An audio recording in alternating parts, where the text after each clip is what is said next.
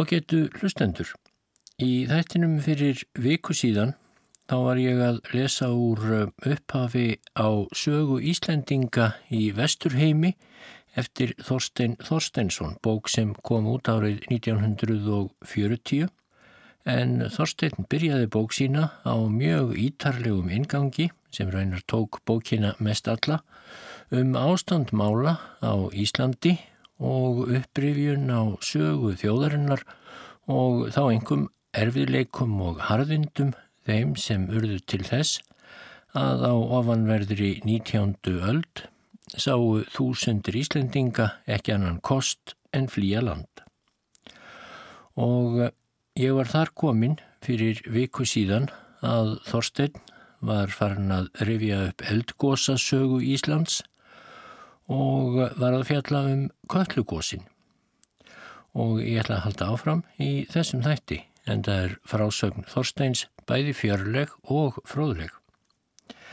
Hann skrifar Árið 1755 spjó Katla í 13. sinn, förstu daginn 17. oktober, litlu fyrir hádegi.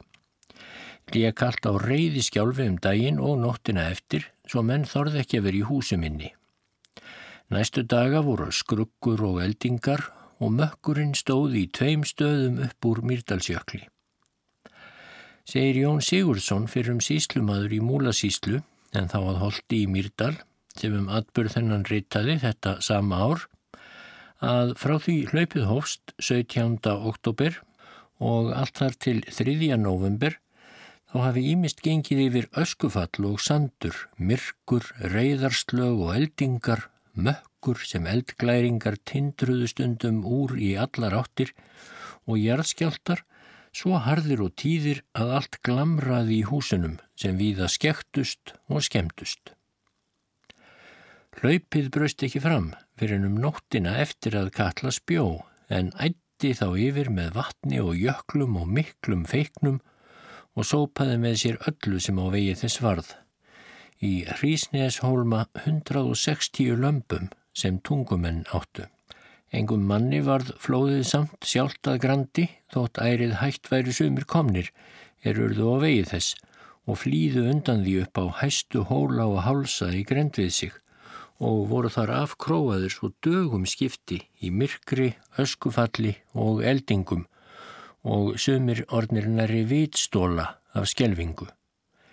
Einn saga síslumanns er á þessa leið. Þegar hlaupið kom þá voru menn að haka skó í hafursei og voru rétt lagðir af stað heimáleið þegar flóðið brunaði fram. Sneru þeir þá við upp í eina. Lagðist það þeim til lífs að tveir menn komu austan af sandi og náðu upp í hafursei. Var annar þeirra með útgerð og ætlaði til vestmanneia haustmaður. Livðu þeir allir á matvælum þeim sem hann hafði meðferðis. Bárust þeir fyrir í helli sem er framann á eigunni. Sögðu þeir svo frá að fjallið hefði skolfið sem hrísla en reyðarslögin voru svo hörð að þeir eruðu næstum ringlaðir. Ekki þorðu þeir að vera í þeim hellinum sem kallaður er stúka því hann var niður við öyrin. En í hellinum sem er uppi í brekkunni og kallaður er sel voru þeir í sex daga teftir eru nöfn þessara manna klöppuð þar í bergið og sjást ennþann dag í dag í hellinum.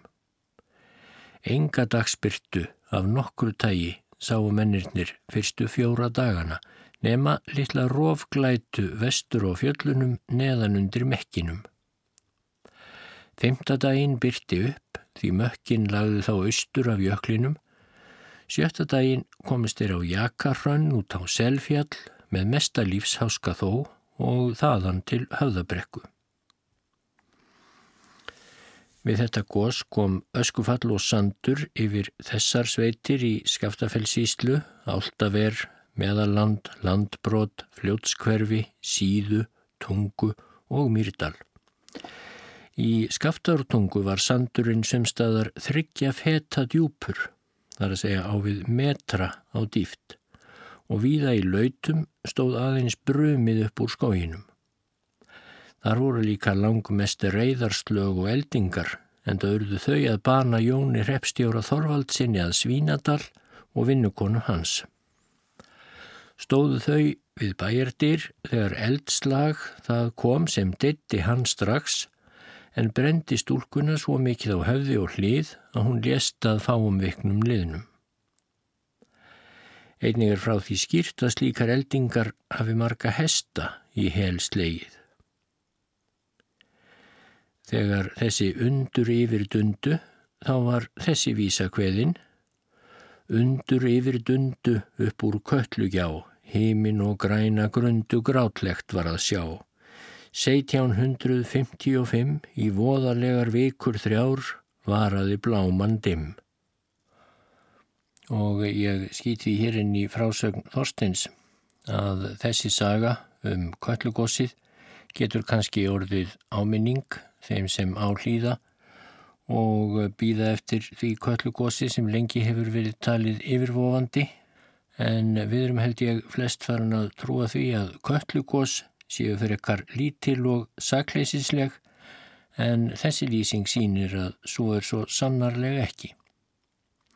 En Þorstein heldur áfram um 14. hlaupið sem byrjaði annan júli 1823 og stóði yfir í 28 daga ritaði Sveitn Pálsson handlæknir og náttúrufræðingur að viki Myrdal.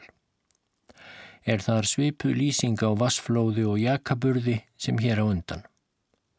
Þá fjall svo mikil aska yfir sólheimasókn að sumstaðar varð slétt við túngarða, tók alla haga af svo að fjenaði varð að koma fyrir í öðrum sveitum. Þetta köllulhaup eðilagði fáarjarðir með öllu en skemmti þó margar mikið, engum í alltaferi. Eftir að fyrstu útflutningar hefjast frá Suðurlandi til Norður-Ameríku þá byrjar 15. köllulhaupið annan mæ 1860 og stóð það yfir í 16 daga. Þetta hlaup skemmti ímsarjarðir þótt ekki væri það eitt þeirra ægilegustu en samt nóg til að láta muna eftir sér Kötlugjá og Myrdalsjökli. Þegar vesturfarir meg að heita mestuleitu um gardgengnar þá byrjar fyrsta gós og hlaup Kötlu á þessari öll tinni 20. skrifar Þorstein en það hófst 12. oktober 1918 stóð það yfir í um þryggja vikna tíma er það því 16. í röðinni eftir þeim heimildum sem hér er farið eftir og gaf ekkert eftir sumum hinn að fyrri að tröllskap og jötnmagni. En þá íkur sögunni að sjálfri heklu.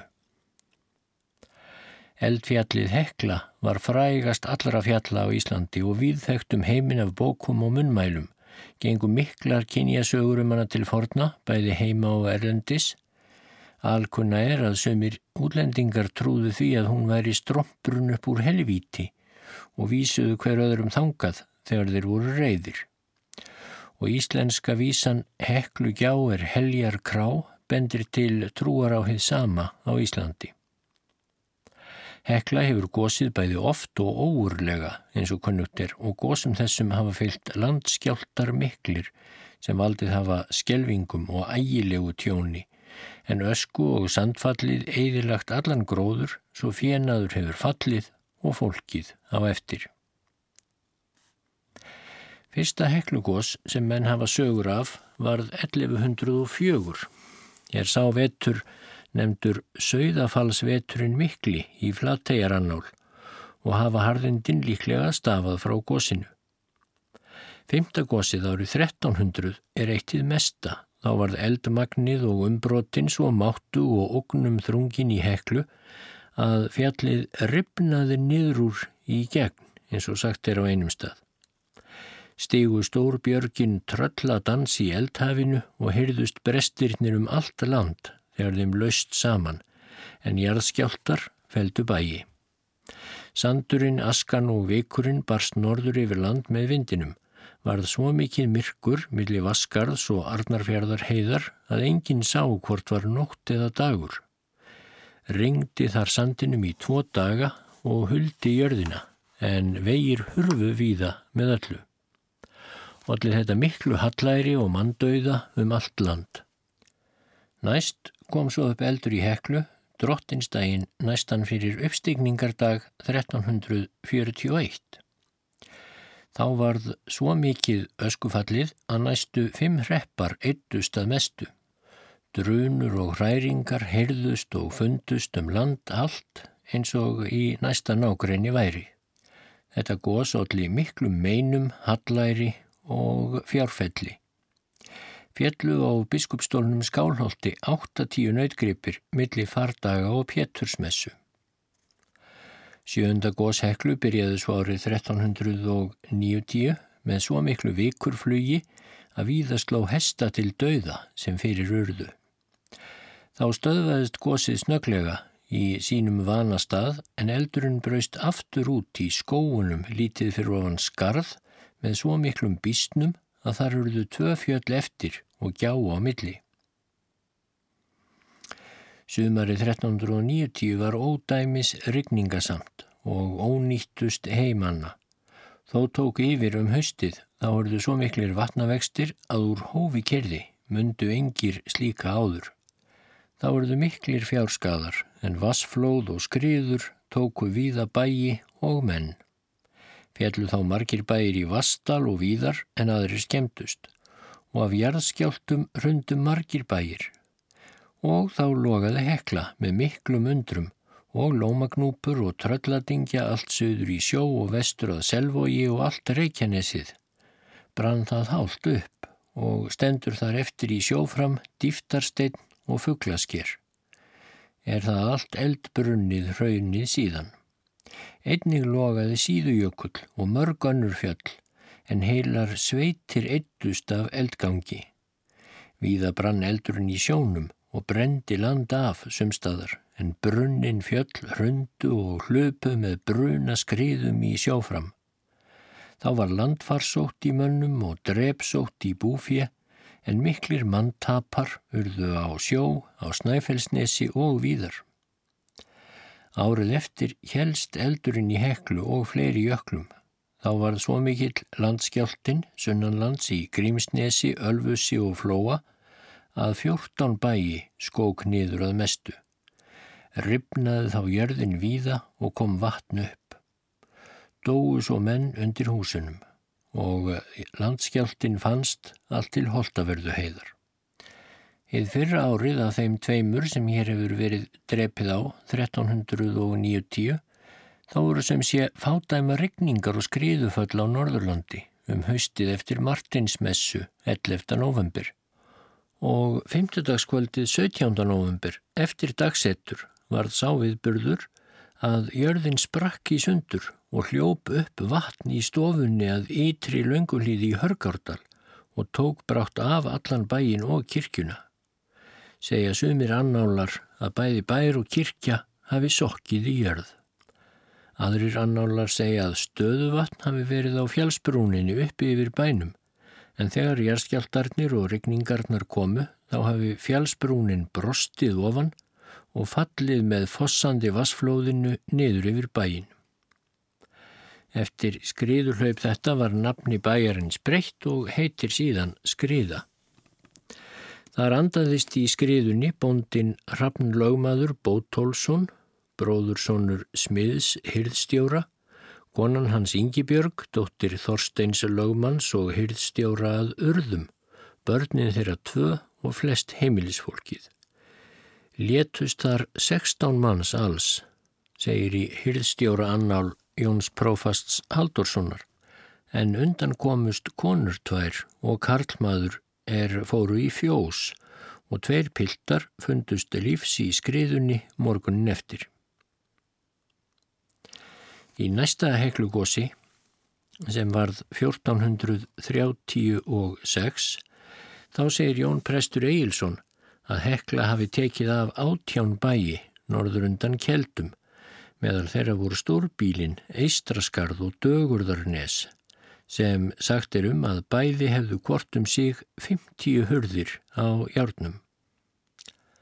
Árið 1510 varð svo elds uppkoman mikla í Heklufjalli sem kvölluð hefur verið. Þá lág biskupsetrinu skálholti við hruni vegna jarðskjálta en allt loftið var glóandi af logandi steinkasti frá eldfjallinu. Flugu þrýr steinar allt til vörðufells næri helgastöðum og einn slíkur stein rotaði mann fyrir dyrumúti í skálholti. Víða um land og rángarvelli flugu þessir eldglóandi steinar niður úr loftinu. Þá flýði eisteinn úr mörg sem frægur er í sögu Einars Há Kvarans um Lénhard Fógeta. Hann flýði með konu og öllu fólki úr bænum og urðu þau bæði mitt og lamin í þeirri ferð. Í þessu nýjunda gósi skemmtist land mjög víða af öskufalli frá heklu. Tólta gósið byrjaði svo um kvöldið fyrir dagsettur á tíunda dag jóla 1597. Herðust á dunur með stór brestum norður um land í tólf daga. En undur þessi frá heklu bárust víða um land þennan vettur fram í einmánuð ímist með eldingum og reyðarslögum eða grimmum jarðskjáltum. Einu sinni sáust átján eldar brenna út úr fjallinu í einu segir í einni heimild. Öskufallið barst norður í Borðardal, vestur í Borgarfjörð og austur í Hortnafjörð, en austur í Myrdal tók það sumstaður í Ökla en víðast í Skóvarp. Þetta vor komi svo miklir jarðskjáltar að margir bæir hrundu í ölfu sinu, en margt fólk dó úr blóðsótt á söðurnesjum. Eldur kom svo næst upp í heklu 8. mæ 1636 og stóð allt sumarið og langt fram á vetur. Þrettán eldar loguðu út um fjallið þegar mest var og sáust þeir vestur um allar sveitir. Þessu fylgdi mikið öskufall og myrkur, fjenaður fjallum veturinn og vorið sem var mjög hart en um mitt sumar kom snjór fyrir norðan. 14. heklugósið 13. februar 1693 varð með miklum ódæmum. Þá erðu landskjáltar svo harðir að sjórin umhverfist allt í kringum landið en fiskiskipin hristust undir mönnunum.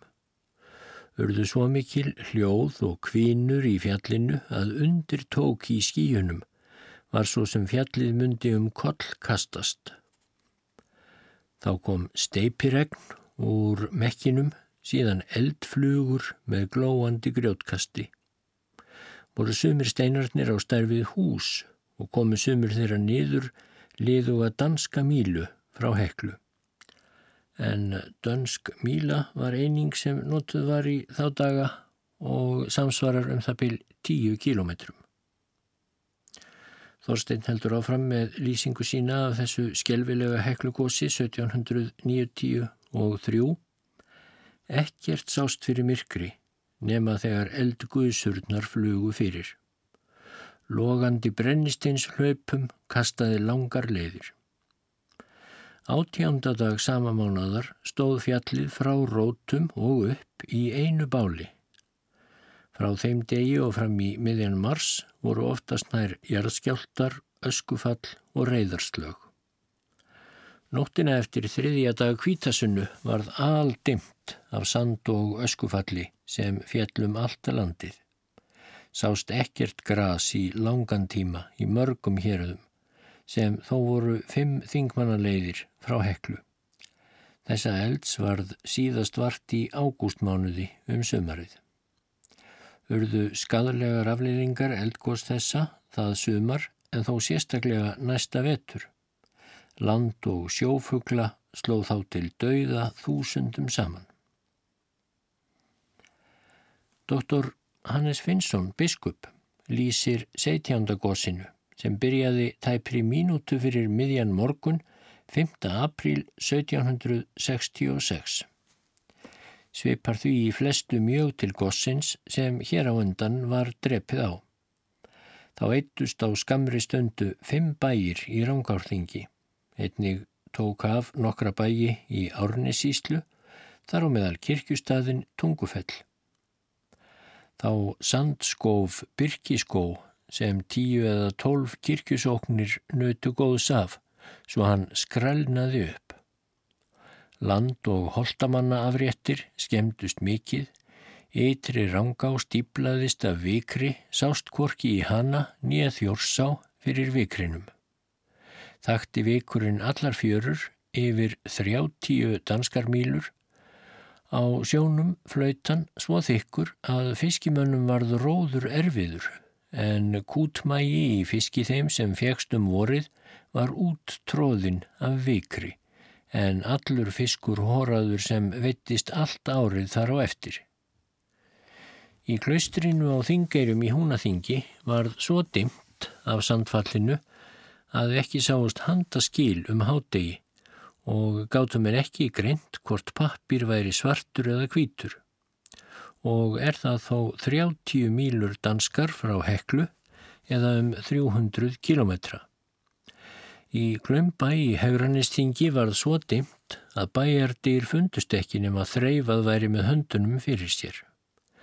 Af því má sjá hver miklum sandi og grjóti hefur ringt úr heklu í það sinn en eftir háttegið mingaði nokkuð sandfallið þótt öðru hverju væri sandrykning til 9. apríl.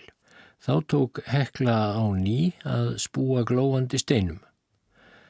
Sáust um kvöldið margar mílur frá heklu glóandi klettar, svo stórir að ekki var hægt að hræra. Stundum var fjallið allt að sjá sem eitt logandi eldhaf en í annan tíma sáust átján smerri eldar eða ég vil fleiri loga upp úr fjallinu. Hjelst þetta allt til apríl loka. Eftir það voru stöðuar hræringar en öðru hverju brestir og reyðar slög allt þar til 7. september að svo mikill jarðskjálti kom að merkikólsbærin eðilagðist að mestu en áður hafðu hrunið til grunna þrýr bæir í ölfu sinu. Þetta ógnarlega eldgós hafði hryggilegar afliðingar, varð mikill manndauði og peningsfellir svo þúsundum skipti. Óvenjulegar pöttur sáist kringum heklu fyrir þetta gós. Þeim er líst með sex fótum, flatarað neðan með svörtum rákum á bakinu. Í júli voru hitarmiklir en september var hins vegar svo kaldur að hestar, fjö og nöyt frusu í hel. Átjánda góðseklu skeiði svo nokkrum árum fyrir útflutningana til Ameríku. Það byrjaði annan september 1845 Hjelst það við en mismunandi mikið með óurlegum dunum og brestum, háum, logum, glóandi grjótríð, jarðskjáltum, myrkva, raunflóðum, vassflóðum og öskufalli. Allt þar til 10. april 1846 eða nýju mánuðum síðar að eldgangurinn mátti loks heita hættur með öllu. Þó sást öskumökkur rjúka upp úr heklu allt til setni hluta november það ár en síðan við og við og seinast 17. janúar 1847. Sumar ár urðu svo heitar af völdum gost þessa að allur sílungur drafst í þeim. Rakum 200 sílunga dauða á land við ytri rangá og var það smáa, morgið af hitanum sem í ána kom. Á sömu fjö í landmanna og rangvellinga afréttum brunnu klauvirnar að framann í glóð heitri öskunni og gengust upp í kögla svo blætti úr en fjöð var það býta á njánum. Víðan áði askan í kalva og sumstaður í sokkaband. Skeppnur rótuðust af grjótflugi, búsmali og kýr bráð geltist og horaðist. Fjöð varð þyrst og sídrekkandi. Flestar kýr síktust sem voru úti í öskufallinu. Er sagt að um veturnætur 1845 hafi 40 kýr verið dauðar á landi í reppum og á rángarvöllum. Kýr fengu hnúta á fótleikina, hörnuðu þeir smám saman en runnu aldrei af. Sömu hnútar komu líka á kjálkanaði neðan Einni kom hér um sveitir gattur í söðfjö. Í hverju lampi sem slátrað var haustið 1846 var svo kallaður keðju maðkur, lá hann eftir endilöngum görnunum og var hér um byrj halfur þumlungur á breytt, kvítur á lit með mjóum uppliftum röstum þvert yfir og svo þunnur var þessi ormur að hann líktist þunnu nýfsblaði. Í sumum lömpunum var hann ekki lengri en tvær álnir og þó hálfu mjóri. Ross veiktust einnig af alls konar málmblendingi sem var í öskunni og Rossin heldust, mittust og uppgáfust. Í þessu gósi spúði hekla miklu salti upp úr sér. Reyndist það best sem næst var eldinum og mátti kalla að það gefi lítið eftir kaupstaðarsalti. Norðanlands var veturinn 1845 og 6 nefndur heklu bresta vetur. Heyrðust brestir og dunur skessilegar sem væri undir fótum okkar og jörðin ætlaði að svelgjókkur var skrifað í Mývasveit. Nú eftir að Íslendingar voru farnið að flytja í stórum hópum af landi brott, þá braust fram 19. heklugósið sem sumir teli reyndar 2003 eða 5. fyrir eftir í hvernig talið er. Þá var fyrst vart við litlar hræringar klukkan 3.27. februar 1878 sem fóru smá vaksandi en lítið megin gerðu jarðskjáltar þessir þótt fólk flýði viða bæi sína sem eitthvað löskuðust sumstaðar. Sér að Hannes Steffensen, vitur maður og hraustur, hann leitaði að upptökum eldsins meðan ástóð gósinu en það komað þessu sinni upp rétt hjá Krakatindi, austur af hálsum þeim sem ganga frá rótum heklu í aust-norð-austur. Auk köllu og heklugosa sem hér hefur aðeins verið drepið á með fáum dæmum er talið að jarðeldar hafi brotist upp á einum 20 stöðum öðrum á Íslandi í fjöllum, jöklum, hraunum, gljúfurum, gígum, dölum, vötnum og sæ og sumstaðar hvað eftir annað.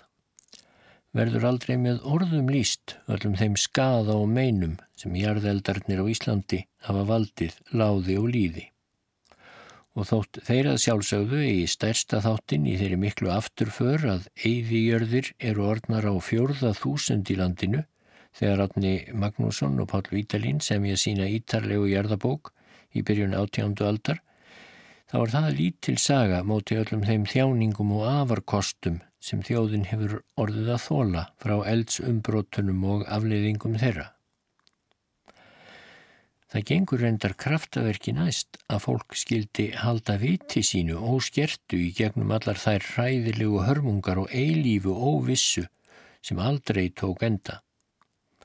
Samt mun ekki fjari sanni að álýta að þegar náttúruöflin bylta sér um landið í jötun móði og sviftaði í sundur, þá komi einnig bersersgangur á fólkið og æsing grípi jafnvægið úr skorðum alveg eins og náttúran blási tröllskap sínum og grimd í brjóst mannsins þá stundina að minnstakosti þeirra sem hún lamar ekki algjörlega.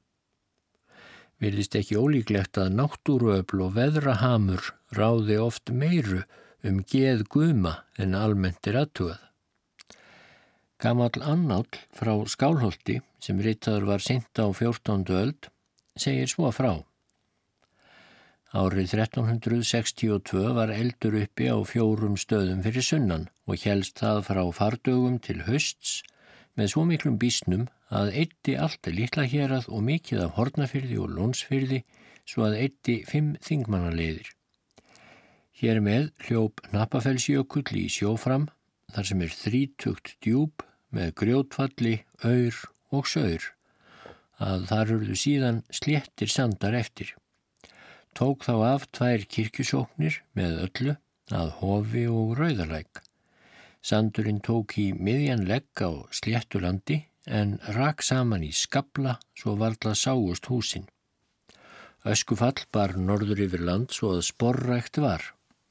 Það fylgdi og þessu að vikurinn sást reka hrönnum fyrir vestfjörðum svo valla máttu skip ganga þar fyrir og ég vil víðar fyrir norðan. Ekki ber sumum öðrum annálum saman um ártalið en ég hver margir bæir hafi farist. Einn segir að kirkjan á Rauðalæk hafi ein eftir staðið, annar að á einum morgni í einu flóði þegar jökullin hafi hlaupið austur í öðræfum hafi tekið af fjöru tíu bæi hvorki meiran ég minna en átta staðið eftir og þar komst engin maður undan utan presturinn og djáknin frá Rauðarleik, segir þar. Og hinn þriði annál orðar þetta svo, elds uppkoma í litla héradi og eitti allt héradið, hafðu þar áður verið sjötíu bæir. Livði engin kvik skeppna í bæjunum utan ein öldruð kona og eitt ross. Að því er sumir telja þá hafa eldar verið uppi 8 til 10 sinnum fyrir framann Reykjanes. Í eldganginum 1210 sáust eldegjar fyrst rísárhafi en 1240 var svo mikill jarðskjáltin á Suðurnesjum að sex bæir hrundu þar til grunna. Árið 1783, sama ár og skaftár eldar geisa, þá kom upp eiga í eldsumbrotunum fyrir framann Reykjanes sem nefnd var nýjægi. Raug upp úr henni vikur mökkur en ekki sást hún nema í nokkrar vikur og kvarf svo aftur í sjóin. Árið 1338 hafði komið landskjálti hinn mikli sem braud niður 60 bæi og nokkrir menn dóu af húsfallinu. Eitt bærin hétt Holt, hann flög í loft upp sem menn sáu og kom niður á öðrum stað allur brottin og þá var mikill sólar skortur. 1728 var eldur í Öræfajökli. Þá kom óurlegt vassflóð í ágúst úr jöklinum sem sópaði burt 600 söðfjár, 160 hestum, 80 nautgripum, nokkrum húsum og þremur mönnum. Nokkru áður, 1724, hafði komið afar mikill jærskjálti í Þingejarsíslu og víðar Norðanlands. Þá tók krablaða gjósa, vikri, brennisteini og sandi sem varð hálf önnur alin á dýft austan Mývas sem þotnaði reyndar alveg upp. Raug brennistein skufan úr krablu til ársins 1727 eða jáfnvel lengur. Árið 1725 kom svo eldur upp í Leirnjúk, Kvítól og Bjarnarflægi, þá þotnaði mývatn upp að nýju, svo engin sílungsveiði varða að notum það sömar nýja veturinn eftir. Gengu þá óurlegir jarðskjáltar og reyðar þrumur en andrumsloftið spiltist og varð mjög óholt. 1727 brunnu tveir hverar hjá Leirnjúk, einning Rossadalur fyrir norðan Bjarnarflag og Bjarnarflag sjálft í annað sinn. Árið eftir 1728 brann fjallið Reykjahlíðarsel. Þar varð mikið raun í kringum það. Í desember sama ár kom svo upp óurlegur eldur við Mývatn sem brendi bæði gamla raunnið og mikið graslendi annar staðar. Eldurinn kastaði kvít glóandi björgum hátt í loft upp og komið þau bráðinn niður á jörðina og stórir blágrítis nullungar flugu upp og ringdi aftur niður smáum brotum. Eldflóð þetta komst mjög nærri kirkustafnum Reykjahlíð en tók þá að lokum aðra framrás. Raunnið eftir þennan eld varð fjórar mílur danskar á lengt og halvönnur á breytt. Árið 1729 Þá kom upp ógnarlegur eldur að finnum stóra eldkver sem er í leirnjúk og tók sá eldur eina framrás og rann sem vatn yfir næstlíkjandi svæði. Í júli sama ár þá komst eldurinn svo næri kirkustafnum Reykjahlíð að menn þorði ekki að vera inn í bænum og varð svo fljótt við að bregða að ekki gætt fólkið haft neitt með sér útrónum þá brendi eldurinn þrjá bæi gengt Reykjahlíð og náði fólkið litlu út úr þeim af því sem það átti. Þann 17. ágúst brendi sá eldur kirkjustadin reykja hlýð með öllum húsum, túnum og engjum og miklu af högum. Þann 27. ljóp þessi eldur allt í kringum kirkjuna og stóð þar við með ljósum logum umhverfi skarðin í nokkra daga, samt stóð kirkjan óskemd með öllu sem í henni var en ekki fyrir enn 15. september gáttu menn náð nokkru úrenni af því sem í henni var lauslegt. Þá var eldurinn nokkuð farin að reyna. Samt orðum en ekki annað en náði út úr kirkjunni sem þémætt var, ef eldurinn skildi hafa brunnið að nýju. Þetta eldflóð hljópi sjálft mývatn og þurkaði það upp með öllu. Stóð það í ljósum logum nokkra daga. Varð eldurinn svo hár að sjá að hann tók yfir næstu fjöll. Þá þornaði upp áinn sem rennur til norðurs úr mývatni og það var ekki fyrir en seinast í oktober sem lindi þessum mikla eldi. Á þessu jarðelda ári Norðanland 1729 Þá er það í frásögur fært að fyrir áskorun dönsku stjórnarinnar hafi rúm 200 manns skráð sig frá Íslandi til Grænlandsferðar. Ekki varð samt úr þessu setna íslenska landnámi þar því engir fóru að lokum.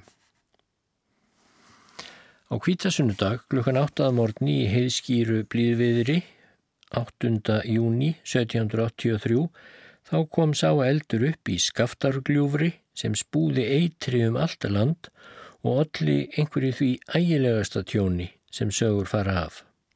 Er þeim ógnum og hörmungum svo átakanlega líst af einum andheitasta rittufundi átjándualdarinnar, sér að Jóni prófasti Stengrimsinni að pressbakka, að skaftáreldar loga í minni þeirra sem þær lýsingar hafa lesið. Var sér að Jón þar ekki einungis sjálfur, hirtnar og sjónarvottur, heldur munaði minnstu að hann er einnig píslarvottur, sinnar sterku trúar er hann flutti óskjeldur guðstjónustu sína í kirkju sem ein eldkvíslin stemdi á. Um skaftárelda hefur Jón Trösti Rittvöndur skrifað mikla skáldsögu og stiðst þar við handrita nafnasins. Munu flestir hinna eldri Íslendinga hafa lesið sögu Jóns Trösta og þá jafnframt heyrt sagt frá móðuharðindunum sem um allt landið fylgdu eftir þessum ógnum þrúnu eldum sem spúðu banvænu pestnæmi úr eitur mökkum sínum yfir gróðurinn, kvöldu og drápu mennina, hústýrin, fugglana og ársílungana því loft og vatn varð læfi blandið sem grösin. En mest bara þessu öllu saman í skaftafellsíslu.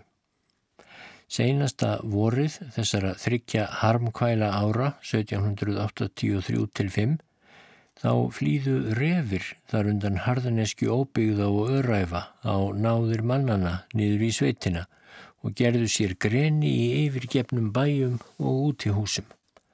En ekki hafði allri eimdini tekist að milda mannshjartað betur en það gegn þessum forn fjendum að tófurnar voru drefnar miskunarlaust á samt yrðringum sínum.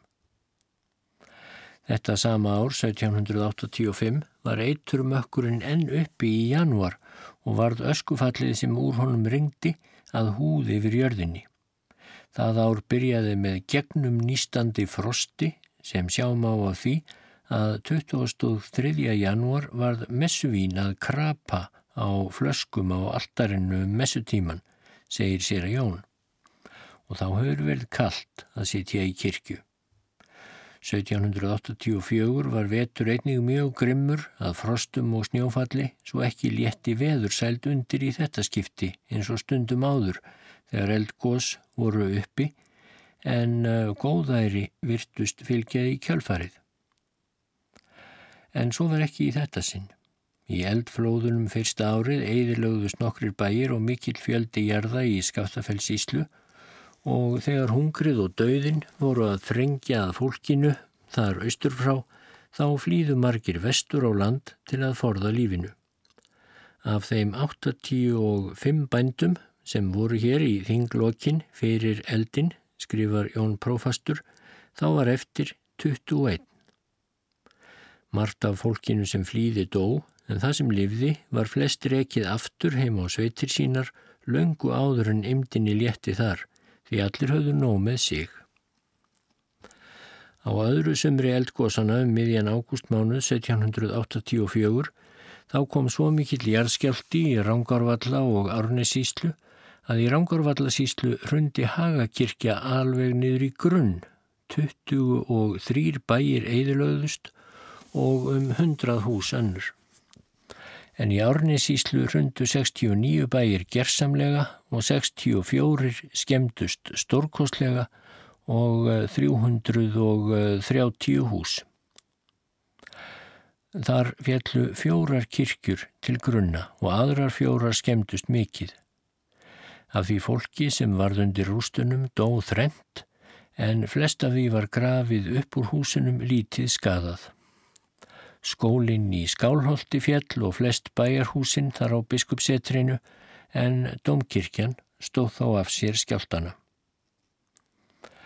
Hegið sem aflað var þessi elda og ösku ár var svo eitrað að væri kveikt í visk af því, þá gauðs upp blár logi með brennisteini, málm dusti og annari ólifjan frá öskufallinu sem í því lendist. En á drápsíkinni í mönnum og skeppnum fór ekki stórkostlega að bera fyrir enn 1784. Þá voru hestarornir svo máttfarnir af pestinni um haustið að sunnudaginn 9. november duttu 20 hestar nýður undir kirkjufólki millir Hörgdals og Breiðabólstaðar en þar lifðu fáir hestar þar um slóðir þann vetur af. Svo varð megn pestin í skeppnunum hér að takl og fags rótnaði af hestunum, hryglingjan rótnaði burtu og skinnið fór víðast af þeim. Allt höfuðið þrútnaði fram úr höfði, svo kom máttleysi í kjálkahestana svo þeir gáti ekki betið gras. Söðfjö var enn hörmulegar útleikið því valla sást limur á því sem ekki nýtti svo hnútarnir stóðu út úr skinninu. Bringuteinar og mjadmir eins fótleikir urðu með beinum út úr sér sem skældu fæturna á viksl svo urðu beinin sjálf eins og fröð. Af kúm datt halin, halfur eða allur, klöyfir duttu af og sömar í miðju. Rifin duttu sundur í miðju eftir endilangri síðunni og þóldu ekki þunga skefnana. Innvortis partarnir rótnuðu sundur og allt fór úr náttúrulegu lagi. Allt kjött af skefnum var ramt og fúlt af ólífjan svo að svo áta varð mörgum manni að bana. Allir þeir menn sem ekki áttu nóg af gömlum mat lifðu mestu harmkvæli. Á þeirra bringuteinum, síðum, handarbökum, ristum, fótleikjum og liðamótum urðu hnútar á og brís. Líka minn þrútnaði upp, gómur og tannhold sprakk í sundur og valla eru til dæmum það fyrr að tungan hafi rótnað út af munninum. Brjóstveiki, blóðsótt og ormar í kvið kvöldu fjöldafólks til bana með mestu kvölum og það átt að heita að allt er því bannvænt, menn og skeppnur. Svo hagaði drottins almætti því til, skrifar prófastur, að af þeim 75 manneskjum sem dói í minni sókn á þessu ári 1784 var engin grafin kistu laus. Svo var tilsapnað að stundum voru 6 til 8 eða 10 látnir í sömu gröfina. Því þá hungursneiðin þrengdi að þá örðum en örmagna að högva klakan í jörðinni. Svo allt kirkjufólkið hjálpaðist ofta að við að jærða líkin voru kisturnar svo lagðar hver út af annari og hver ón á aðra voru þeir flestir grafnir í söðurparti kirkjugarðsins hafði þar ekki fyrrverið jarðað út af einhverju hjátrú. En eigi er það satt að nokkur maður hafi verið grafin hér í bæjum eða út á víðavangi eins og sumir hafa fullirt utan einn maður en sá var íllur í skapu og blótaði öllu sem þá við horði. En Guð lætur ekki að sér hæða því þessi maður varð úti á sandinum fyrir austan eldvatnið og var hann dísjaður upp í hrauninu vestanverðu og varða hlaðin yfir. Hér að framann, skrifar Þorstein, Þorsteinsson svo, hér að framann hefur nokkrum svipmyndum af jarðeldum landsins verið brugðið upp fyrir sjónum lesarans, allt frá öndverðum dögum Íslands byggðar og fram til útflutningsárana til Vesturheims. Og þótt fátt sé hér sínt og eflaust flusturslega af því sem mætti sína og til er af þessum ægilegu myndum sem málaðar standa í sögu landsins, þá næja þeir samt algjörlega til að sanna að landslýðurinn gæti aldrei verið örugur um framtíð sína nýja óhrættur um lífsitt og eru þó hörðu veturnir ótaldir enn. Þess vegna er engin vaf á því að dýfst í sál Íslendingsins bjó eldgamall uggur við landið frá kyni til kyns. Það sína spárnar best sem oftast voru hragsbár og rættust því förðanlega. Íslands eldar eru því ekki einungis merkur sorgar sögu þáttur í lífi allrar þjóðarinnar, heldur einnig einn sterkasti hlekkurinn í orsakakeðju útflutningana og beinlinnis orsök fyrir útflutningi fólks til vesturheims.